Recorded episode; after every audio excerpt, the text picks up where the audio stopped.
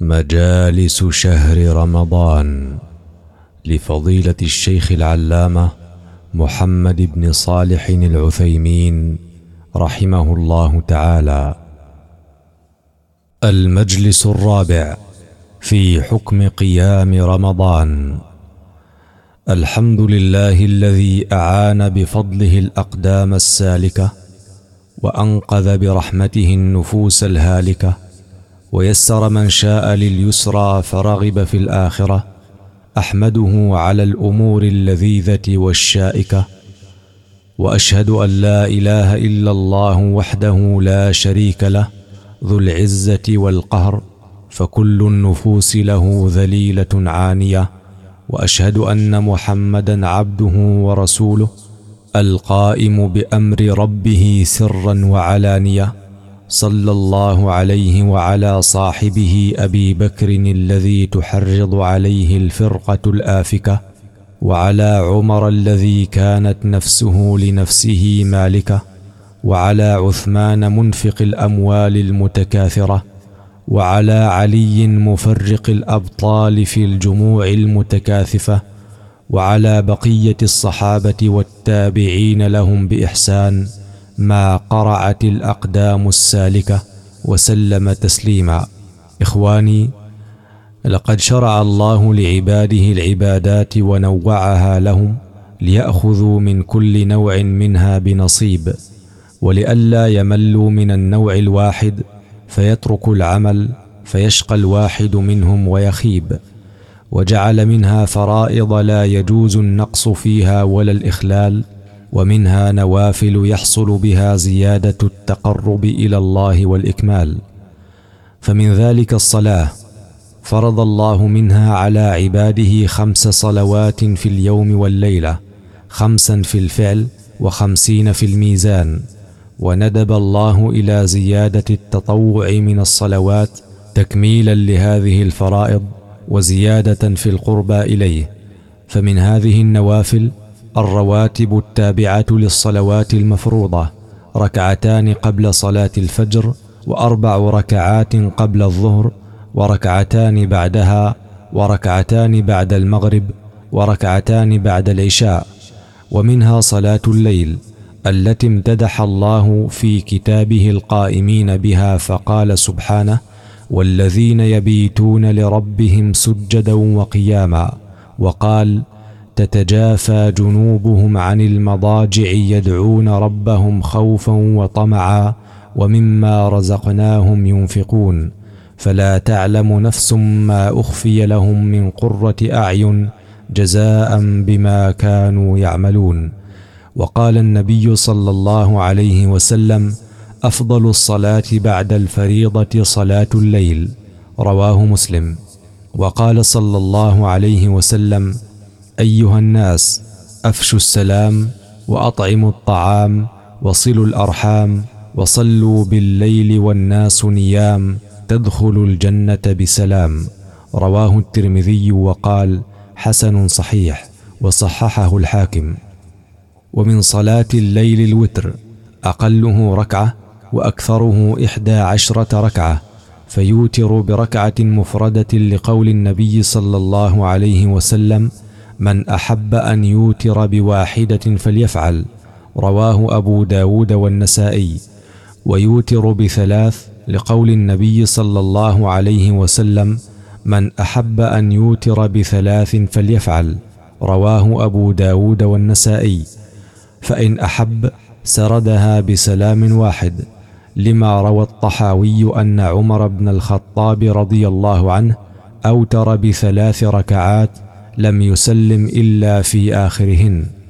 وإن أحب صلى ركعتين وسلم ثم صلى الثالثة لما روى البخاري عن عبد الله بن عمر رضي الله عنهما أنه كان يسلم بين الركعتين والركعة في الوتر حتى كان يأمر ببعض حاجته ويوتر بخمس فيسردها جميعا لا يجلس ولا يسلم إلا في آخرهن.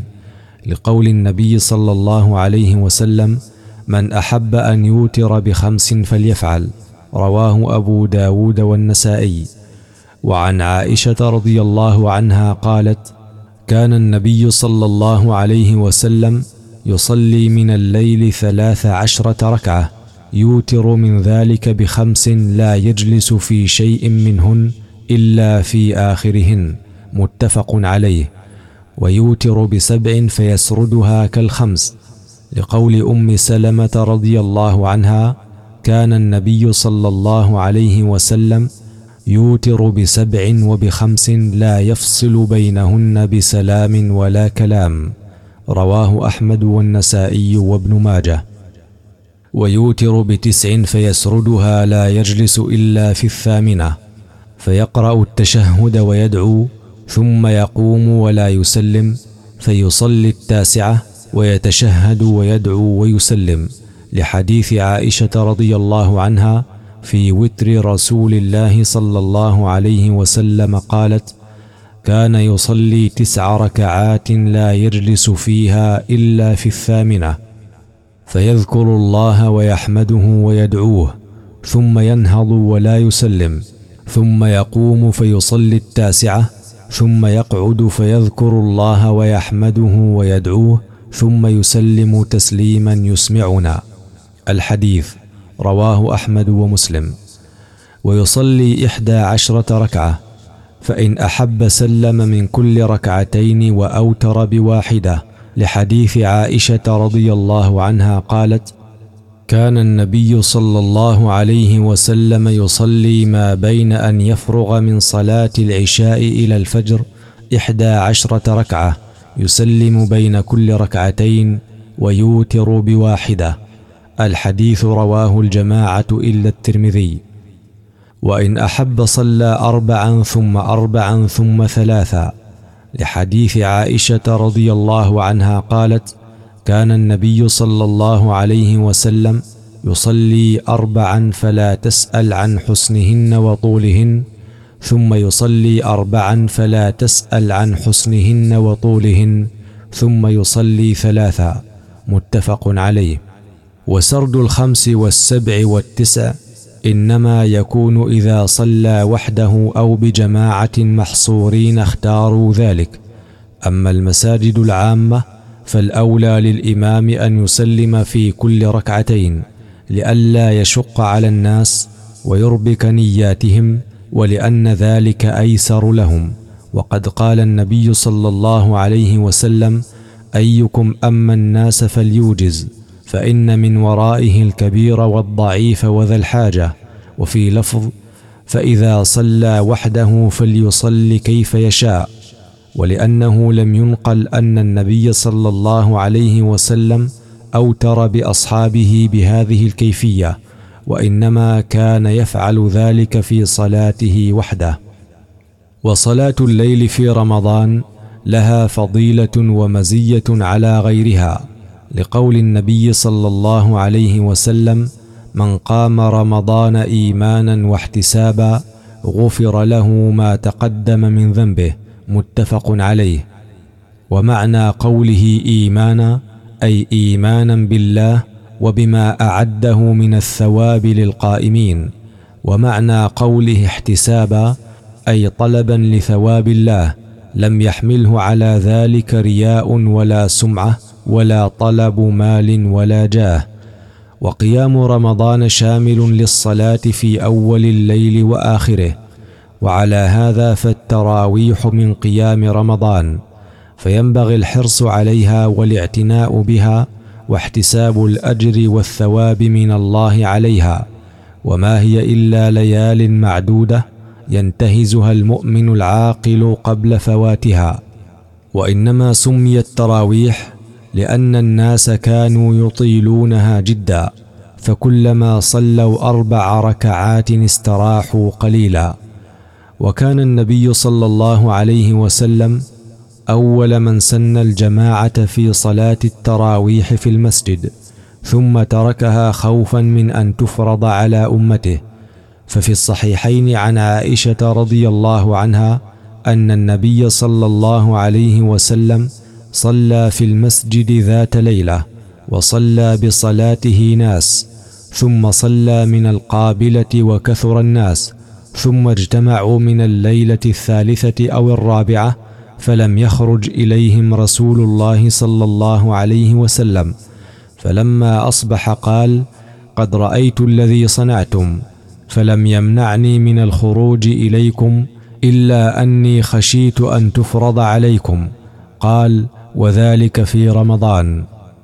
وعن أبي ذر رضي الله عنه قال صمنا مع النبي صلى الله عليه وسلم فلم يقم بنا حتى بقي سبع من الشهر فقام بنا حتى ذهب ثلث الليل ثم لم يقم بنا في السادسة ثم قام بنا في الخامسة حتى ذهب شطر الليل أي نصفه فقلنا يا رسول الله لو نفلتنا بقية ليلتنا هذه فقال صلى الله عليه وسلم إنه من قام مع الإمام حتى ينصرف كتب له قيام ليلة.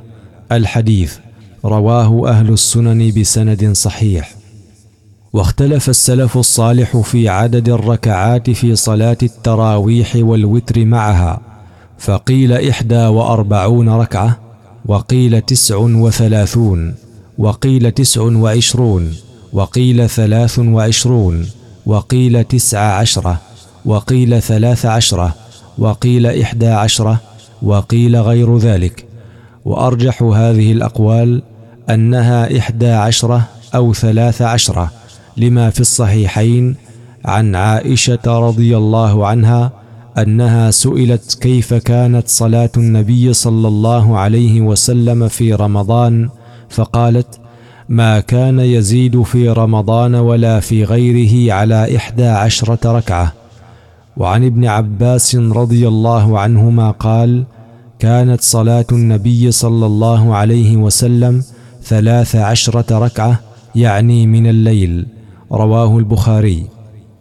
وفي الموطأ عن السائب بن يزيد رضي الله عنه قال أمر عمر بن الخطاب رضي الله عنه أبي بن كعب وتميما الداري أن يقوما للناس بإحدى عشرة ركعة. وكان السلف الصالح يطيلونها جدا. ففي حديث السائب بن يزيد رضي الله عنه قال كان القارئ يقرأ بالمئين يعني بمئات الآيات حتى كنا نعتمد على العصي من طول القيام.